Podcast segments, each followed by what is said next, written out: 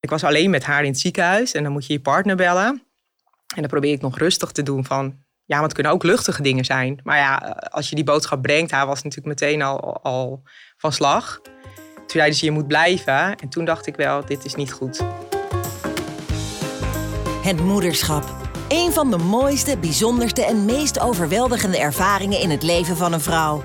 In deze podcast gaan ondernemer en moeder Tamara Elbas en ecologisch pedagoog en moeder Lisette Davids in gesprek met bekende moeders die hun persoonlijke verhaal vertellen. Inclusief alle ups en downs die erbij komen kijken. Welkom bij Hashtag MomLife.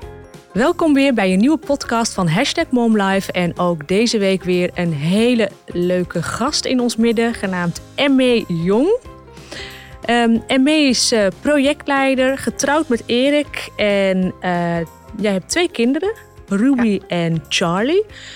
Bij Charlie, nu uh, drie jaar oud, werd in 2020 leukemie gediagnosticeerd. Nou, hierover heb je altijd veel kunnen delen op social media. Ik denk ook een beetje als uitlaatklep. En zo ben ik ook met jou in contact gekomen. Hoe gaat het nu met Charlie eigenlijk? Het gaat nu met Charlie goed. We komen net uit het ziekenhuis vandaan en uh, weer controle gehad. En zij is 7 april dit jaar is ze klaar met de behandeling. Dus dat is echt wel een moment waar we nu ontzettend naar uitkijken. Want deze behandeling heeft ruim twee jaar geduurd. Dus dat is best een lange tijd. Wauw, dat is wel echt reden voor een feestje. Ja. ja. dat is zeker reden voor een feestje. En eind mei wordt ze vier, dus dan gaat ze naar school. En dat is zo bizar, want ze heeft gewoon een heel leven eigenlijk al erop zitten. En ze is pas vier. Terwijl ze de helft van haar leven eigenlijk onder behandeling is geweest. Dit is denk ik een van de ergste dingen die, die je als moeder kan overkomen. Dat je kindje ziek is en, en pijn heeft. Wat doet dit met jou als moeder? En hoe vind je elke dag weer de kracht om ja, überhaupt positief te blijven? Nou, in het begin was dat wel iets moeilijker. Um, het heeft best wel even geduurd voordat we erachter waren wat Charlie eigenlijk had. En die periode was gewoon frustrerend, want je, je, je herkent je eigen kind niet. En ik dacht, ja, er komt toch dat moedergevoel. Er klopt iets niet. Zij was nooit huilerig, hangerig. En opeens was ze dat bijna drie maanden lang. Uh, we zijn ook best wel vaak naar de huisarts geweest. Dus op het moment dat er een diagnose kwam, was natuurlijk de diagnose die je nooit had gewild. Want je kind kanker, dat, dat wil je gewoon niet. Maar daarna was het wel vrij snel, oké, dit is het behandelplan. Vrij goede genezingskans en we gaan er gewoon voor. En dan, ja, dan stap je in een soort rollercoaster en dan ga je. Ja. En dan heb je eigenlijk ook geen keus ja. daarin. En ik denk de kracht vind je, vind ik in ieder geval. Kijk, kinderen die, die gaan ook gewoon. Als die zich goed voelen, gaan ze. En die denken niet na over morgen of ik moet volgende week weer heen. Of dan moet ik weer een prik of weer medicatie. Zij was anderhalf uh, toen ze de diagnose kreeg. Ja, dan denkt zij daar nog niet over na. Dus dat helpt. Kijk, dat mentale van oké, we gaan morgen heen, er gebeuren weer nare dingen. Daar, daar denkt ze nog niet aan. En dat is dan pas op dat moment is dat zo. Ja.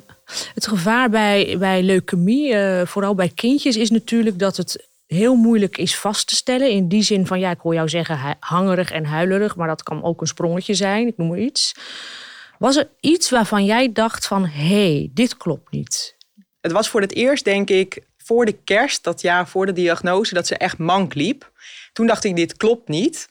Uh, toen zijn we voor het eerst naar de huisarts eigenlijk geweest. En die zei, als het met een week niet over is, dan moet je terugkomen. Maar toen was het over. Maar gaandeweg, en het was het seizoen, mm. ik bedoel december, januari, februari, er zijn heel veel kinderen ziek. Wat er anders aan was, is dat zij, ze zag echt veel witter. Kreeg ook best wel veel reacties van andere mensen. Die mhm. zeiden, oh wat ziet ze wit. Uh, en wat ik als moeder zelf eigenlijk merkte, dat het gewoon een ander kind was. Dus ze huilde soms als ik haar vastpakte, huilde ze van de een op het andere moment. Ze had vaker koorts, soms ja, eh, de ene keer koorts, de andere keer niet. Maar ze was wel veel hangeriger. En ik denk dat als moeder ken je je kind gewoon het beste. En dan weet je, oké, ze is echt wel vaker ziek geweest. Maar dit is echt anders. Dat moment van de diagnose, zou je daar wat meer over kunnen vertellen? Hoe, hoe wat deed dat bij jou? Hoe wordt zo'n boodschap gebracht?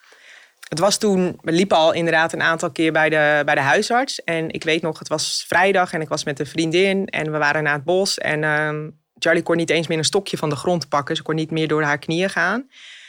Toen was ik er gewoon ook weer helemaal klaar mee. Want ik dacht, dit, dit klopt gewoon niet.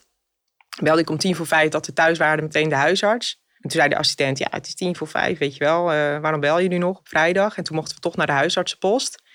Maar goed, die mevrouw kon, die arts kon niet meteen iets acuuts vinden. Toen heb ik maandagochtend weer meteen gebeld.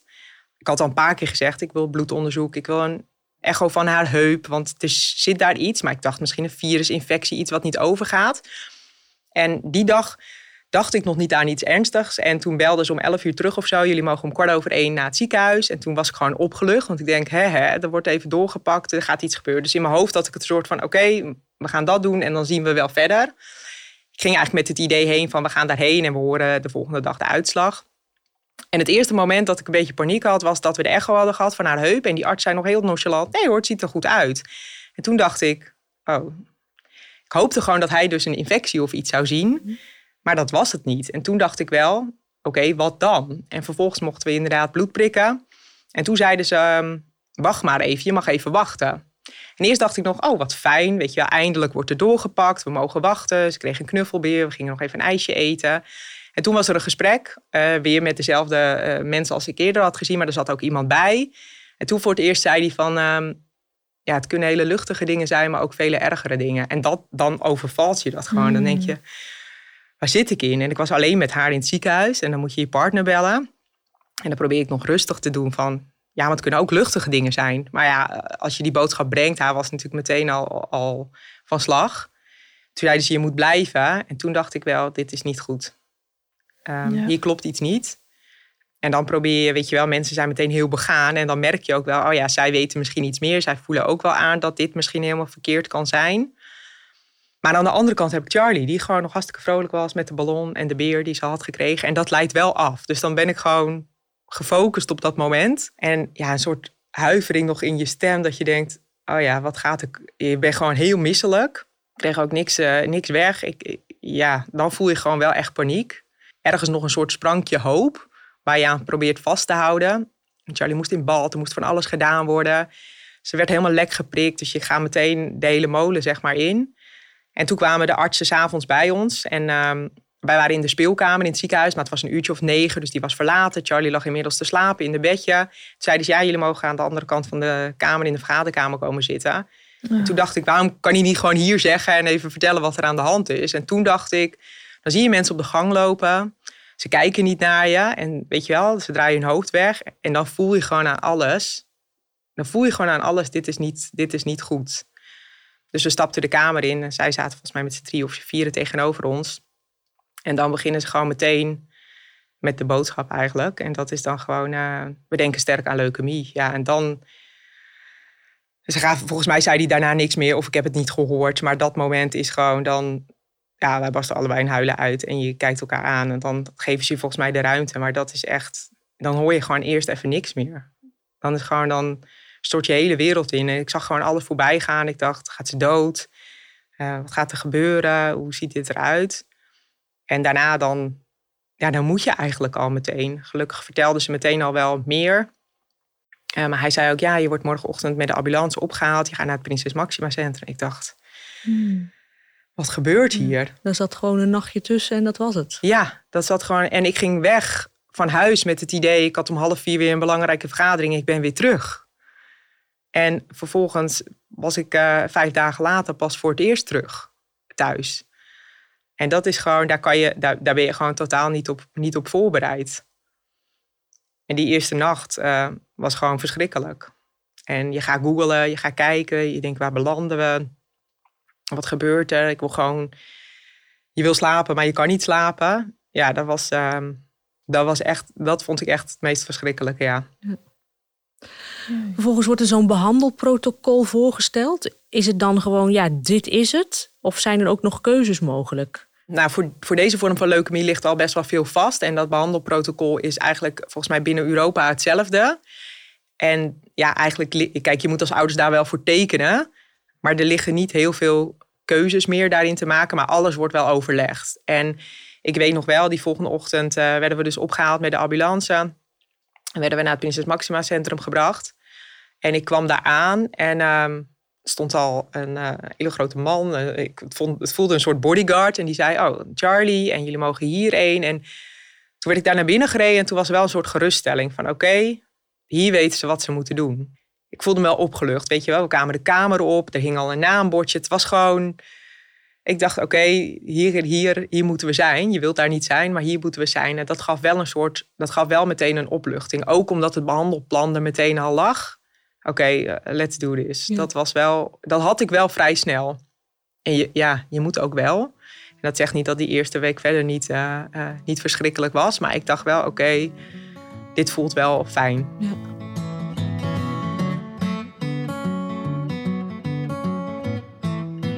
Naast uh, Charlie heb jij natuurlijk nog een kindje, Ruby. Uh, die is wat ouder, die is inmiddels zeven, als ik het goed had begrepen. Zes. Zes. Ja, ja. Hoe gaat zij om met het feit dat haar zusje zo ziek is? Nu gaat dat eigenlijk goed. En dat komt ook omdat Charlie nu niet zo heel vaak meer naar het ziekenhuis moet. Ja. Uh, maar in de periodes dat Charlie veel spoedopnames had. En eigenlijk op het moment dat Charlie koorts heeft, moeten we naar het ziekenhuis. En dat is puur ter controle. Dan moet ze haar bloed controleren of haar weerstand eigenlijk goed genoeg is om eventuele infecties of virussen zelf aan te vechten. Of dat ze bijvoorbeeld antibiotica zou moeten of opgenomen zou moeten worden. En dat hebben we in een periode echt heel vaak gehad. Toen hebben we echt vijf opnames in vier weken tijd gehad. En dat merkte ik aan Ruby wel. Want dan was het s'avonds, bracht ik ze allebei naar bed. En dan werd ze s'morgens wakker en dan waren wij er niet. Mm. En of dan waren we er en toen kwamen we terug en toen had Charlie de beentje gebroken. En die zat met de benen in het gips. En toen zei ze op een gegeven moment ook wel... Uh, mama, ben je er morgenochtend nog als ik wakker word? En dat was wel de periode dat ik merkte en dat ook de juf zei dat ze gewoon meer last van had. Dat wil je natuurlijk gewoon niet. Dat wil je niet voor je kind. Maar je kan ook even iets anders. En aan de andere kant is zij super verzorgend voor de zusje. Dus zij is echt heel lief, probeert er altijd op te vrolijken, maar weet ook wel dat er soms nare dingen moeten gebeuren. Bijvoorbeeld bij het plaatsen van de zonde, dat gebeurt ook wel eens thuis. En dan zegt ze, ik wil er liever niet bij zijn. Of dan gaat ze even naar boven met oma. Dat is moeilijk. Maar aan de andere kant wil ik haar ook meegeven dat dit er ook is. Mm-hmm. Ja, dus zo'n ingrijpende gebeurtenis had gewoon echt zo'n effect binnen jullie gezinsleven. Had het ook zo'n effect binnen jullie relatie? Nou, ik denk dat wij daar wel samen heel goed mee om kunnen gaan. En dat is wel een soort wisselwerking. Want er zijn natuurlijk periodes dat ik het iets minder trok. Of dat mijn partner het iets minder trok. En dan moet je elkaar daar toch wel in, in helpen en in ondersteunen. En ik denk wat wel helpt is, bij deze vorm van leukemie, er lag gewoon een plan. En dat zeg ik best wel een grote genezingskant. Dat zegt niet alles, want er overlijden nog steeds echt kindjes aan deze vorm van leukemie. Maar dat helpt wel, denk ik, in een soort oké, we gaan er gewoon voor. En ik weet niet hoe dat had geweest als je bijvoorbeeld had gezegd, ja, er is maar 10% overlevingskans. Want ik denk dat dan het positief proberen te blijven gewoon bijna onmogelijk is. Hmm.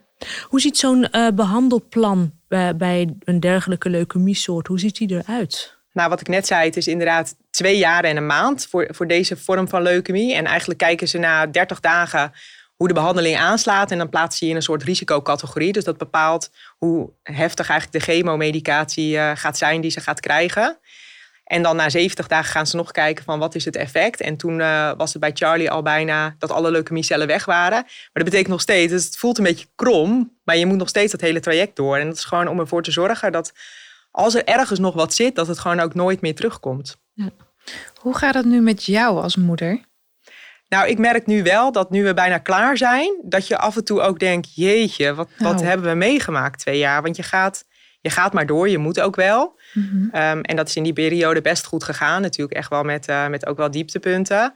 En nu denk ik, er komt gewoon straks weer ruimte. Maar ik denk ook wel weer ruimte voor verwerking dan pas. Omdat nu gewoon die constant aanstaan, dat die overlevingsstand er echt ook nog wel in zit. Ook al hebben we nu minder spoedopnames. Dus... En uh, dit is een hele hoop narigheid, begrijp me niet verkeerd. Maar ik ben altijd ook wel weer benieuwd naar de andere kant van het gezinsleven. Hoe weten jullie nog plezier te maken of te proeven van de andere kant van het leven? Nou, dit is een, ik zeg altijd, dit is een les die je nooit zou willen leren, maar je vergeet hem ook nooit meer. Dus het gevoel waar wij bij zijn gekomen, zeg maar zo dichtbij bij het eventueel verliezen van je kind, maakt wel dat je veel meer kan genieten van kleine dingen. Dat er gewoon heel veel dingen, denk ik, oh, fuck it, het doet er echt niet meer toe. en dan ben je gewoon al blij als je gewoon samen bent. En dat heeft denk ik wel geholpen. Dus ook al zaten we in het ziekenhuis of we proberen overal wel een feestje van te maken. En met twee jonge kinderen die zich toch minder realiseren wat er nog meer had kunnen gebeuren, zeg maar.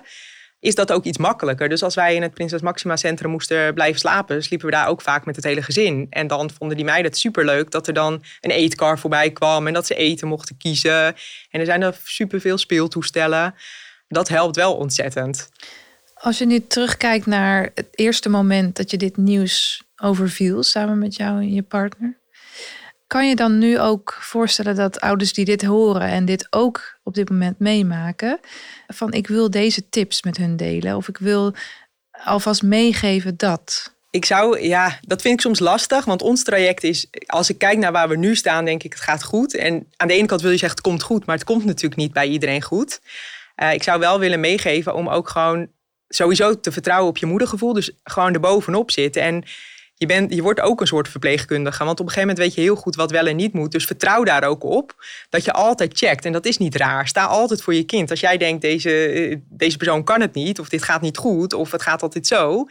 Ja, vertrouw daar gewoon op. En ga daar inderdaad bovenop zitten. Vraag ook alles. Uh, dat zou ik sowieso willen meegeven. En inderdaad probeer ook te genieten. Want deze tijd... Kijk, nu denk ik, zij was anderhalf. Ze is nu bijna vier. Maar het is wel een super fijne tijd, gewoon sowieso van een kind, vind ik, qua ontwikkeling. Probeer daar ook van te genieten.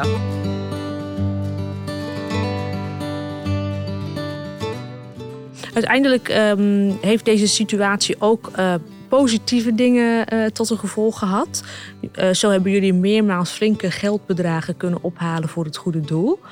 Kan je hier misschien wat meer over vertellen? Wat hebben jullie allemaal ondernomen en wat heeft het opgeleverd? En wie en wat hebben jullie kunnen steunen? Wij zijn, denk ik, uh, Charlie kreeg de diagnose in maart 2021. En toen zijn we ergens in mei zijn we inderdaad een actie gestart. En dat was eigenlijk naar aanleiding van een, uh, een kennis van ons. Die heeft een kledingwinkel en die verkocht een, uh, een sieradenmerk, de Vines. En ze zei, nou, het is super toevallig, maar haar dochter heeft ook leukemie gehad, een andere vorm. Mm. En zij heeft inderdaad in de collectie een arrebandje, waarvan de opbrengst naar het Prinses Maxima Centrum gaat. Dat is overigens het centrum waar alle kindjes met kanker worden behandeld in Nederland.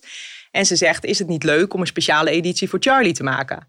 Nou, vond ik superleuk, want sowieso dat het geld naar het goede doel gaat, maar ook om hier aandacht voor te vragen en iets te doen. Want er vroegen heel veel mensen, kijk, Charlie kreeg in het begin superveel cadeaus en knuffels en weet ik veel wat. Maar op een gegeven moment houdt dat ook een beetje op. Tenminste, denk ik, eh, nou, we hebben wel genoeg knuffels thuis. Uh, mensen willen graag iets doen.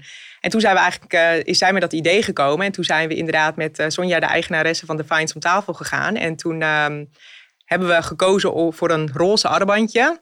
Ik heb hem ook om, ik weet niet of je hem ziet. Oh. En Ruby had de kleur roze natuurlijk gekozen. Die dacht, nou, dat, uh, die is helemaal van into the roze. En toen zijn we die gaan, uh, gaan verkopen. Zowel online via de Finds als in de winkel van Kim, die, uh, die vriendin van ons. Ja, en dat had gewoon mega veel gedaan. Want het werd op Instagram gewoon heel veel gedeeld. maar in Schagen, de woonplaats waar wij, waar wij wonen, hebben we ook in de krant het verhaal natuurlijk verteld. Ja, en dat vinden mensen gewoon heel fijn om wat te doen. En zeker dat eerste weekend zie je dan ook dat de mensen echt van heide en ver zeg maar, uit de omgeving komen om dat armbandje te bestellen. Ik had bijvoorbeeld ook een vriendin in Rotterdam die zei: Ja, ik zag gewoon moeders in Rotterdam ermee lopen. En dan denk ik, ja, dat is wel mooi dat dat het kan bereiken. En toen hebben we in totaal bijna 13.000 euro opgehaald. Wauw, ja. super. Leuk. En nou ja, dit is natuurlijk een hele nare, nare tijd heb je achter de rug, een nare situatie. Heeft het ervoor gezorgd dat uh, jij bent veranderd als moeder? Dus ben je bijvoorbeeld meer bezorgd? Of ook bijvoorbeeld naar je andere kind toe? Heb, heb je geen angsten? Wat, wat, wat ik mezelf heel goed zou kunnen voorstellen. Ik denk bij Charlie wel. Extra, zeg maar, bezorgdheid. Maar ik, het zit niet heel erg in mij. Dus mhm. ik kan het gelukkig best wel snel loslaten. Ik heb alleen wel echt geleerd om te vertrouwen op mijn, op mijn moedergevoel. En om ook daarvoor te staan. Dus als ik denk, dit is niet goed. Of ik, om gewoon iets directer daarop in te gaan. Dus als ik wil dat zij gecontroleerd wordt, dan zorg ik wel dat ze gecontroleerd wordt. En als iemand dan denkt, nee, of dat hoeft niet. Ja, dat laat ik gewoon niet zo snel gebeuren je bent je wel veel meer bewust van het feit dat er zomaar iets kan zijn. Want dat ik zwanger was, dan ben je eerst blij en dan is het twaalf weken echt gewoon zo ga je door. En als laatste ben je een soort van blij dat ze gezond en wel ter wereld zijn gekomen. Maar dat is niet de eindfinish, dat is eigenlijk pas het begin.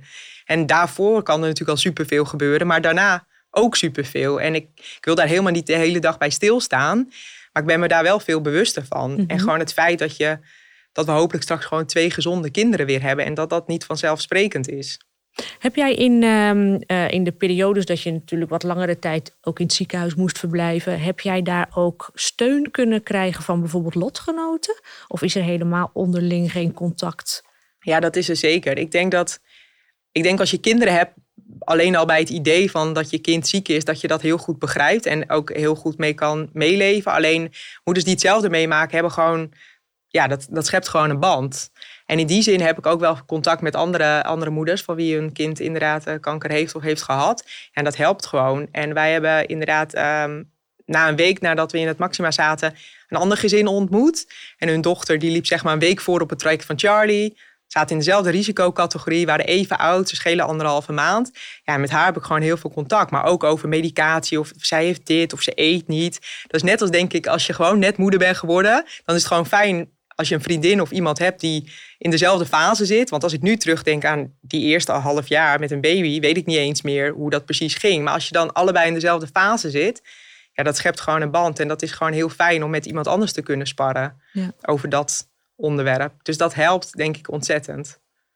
Je kan er heel kalm en rustig over praten. Ik had eigenlijk verwacht van, oh, dit, dit wordt een heel uh, hevig gesprek en misschien kunnen we wel helemaal niet alles vragen, want wordt het misschien te emotioneel.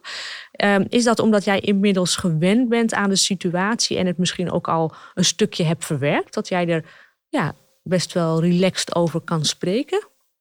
Ik denk aan de ene kant wel, maar aan de andere kant merk ik wel dat soms de momenten zijn. En dan met name het moment van diagnose en, en bijvoorbeeld die dag, dat ik dat nog wel lastiger vind. En dat, mhm. dat het is soms. We waren net even bij het Maxima in de sportzaal met, met Charlie ook aan het sporten. En dacht ik, nou dan opeens met een liedje overvalt het je. En dat zijn meer de momenten. En het kan, het kan soms in, ineens zijn. En ik heb dat. Ik bast ook niet zo vaak helemaal in, in huilen uit uh, aan publiek, zeg maar.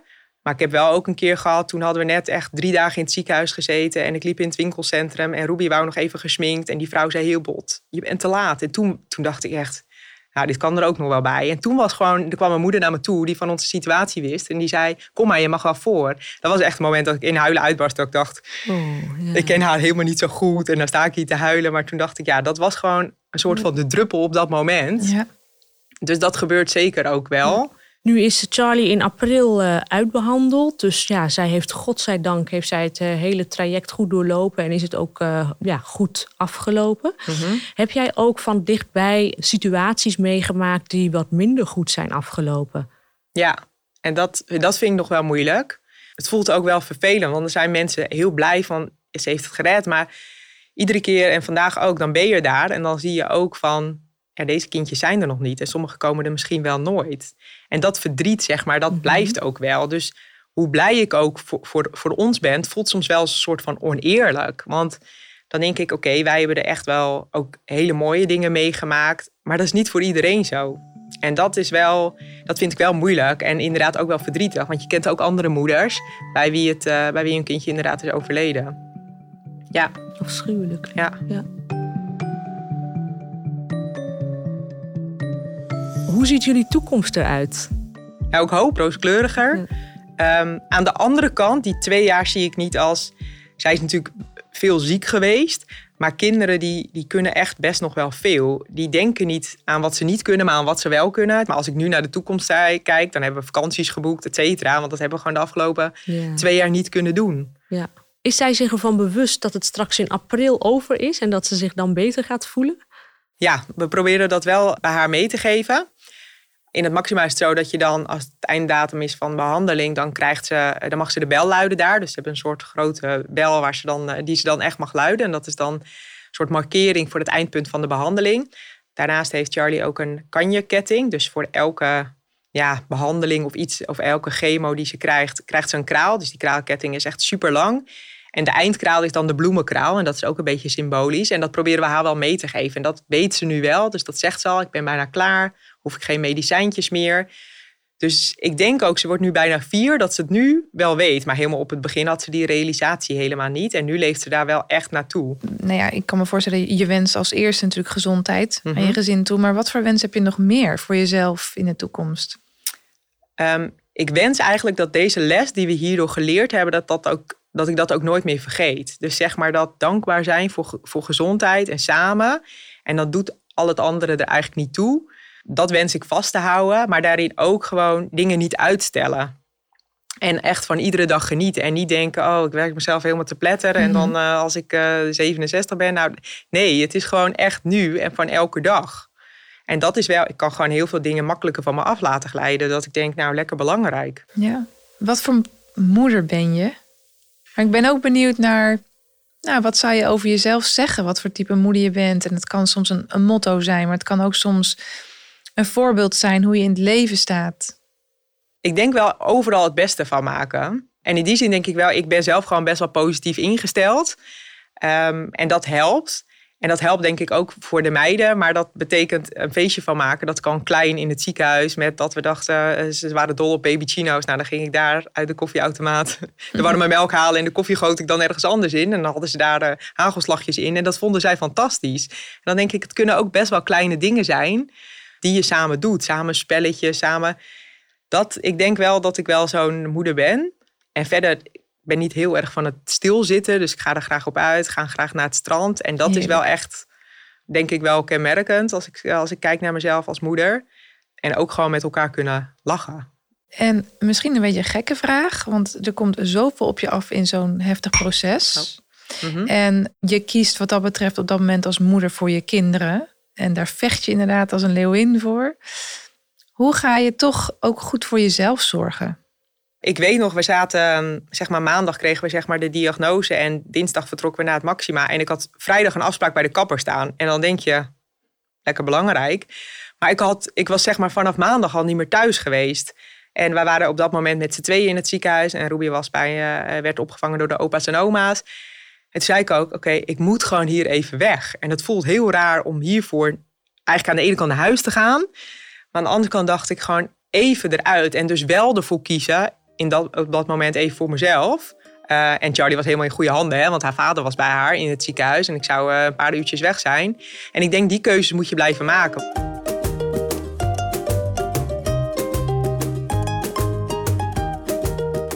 Wat zou jij um, aan ouders of aan aanstaande moeders willen meegeven als tip?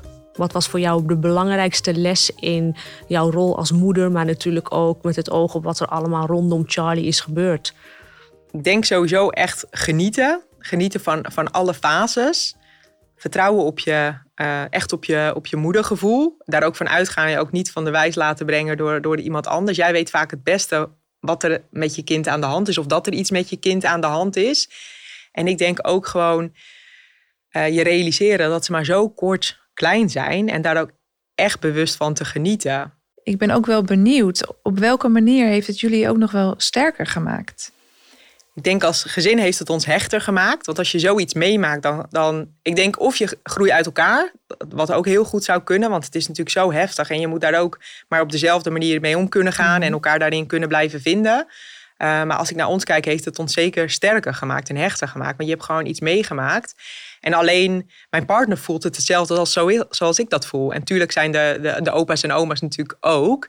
Maar dat heeft ons denk ik ook met de ouders en, uh, en, uh, en schoonouders echt wel hechter gemaakt, maar ook naar de meiden toe. En ik denk ook, als ik kijk naar Ruby en Charlie samen, want zij hebben veel meer, zij hebben nu veel meer aan elkaar, maar zij hebben ook iets meegemaakt. En dat is gewoon iets waar, wat zelfs wij niet kunnen voelen, zeg maar. Wat zij gewoon samen hebben. Die band, ook door alle uh, zeg maar ziekenhuisbezoeken samen. Ja, dat is gewoon best wel uniek. En dat vind ik nu heel mooi om te zien. En dat is, ik weet zeker dat dat door alles wat we hebben meegemaakt eigenlijk alleen maar sterker is geworden. Mm. Het is gelukkig dus niet alleen maar negatief. Nee, zeker niet. Vind ik gelijk meteen een mooie afsluiting. Ik vond het heel fijn dat je bij ons wilde aanschuiven en, en je verhaal wilde doen. Het is niet niks natuurlijk, ook om dat elke keer weer op te rakelen en te moeten vertellen. Um, ja, namens ons uh, ontzettend bedankt. En uh, ja, hopelijk kunnen we met deze podcast en de adviezen die je daarin uh, hebt gegeven ook andere moeders steunen en ja, eigenlijk op weg helpen in hun weg in het moederschap. Dank jullie wel. Dank je wel. Bedankt voor het luisteren naar de podcast Hashtag MomLife. In de volgende aflevering gaan Tamara en Lisette in gesprek met weer een andere bekende moeder. Met een nieuw bijzonder verhaal. Vond je de aflevering leuk? Abonneer je op het podcast en YouTube kanaal van Hashtag MomLife. Ook leuk als je een recensie achterlaat. Tot de volgende aflevering.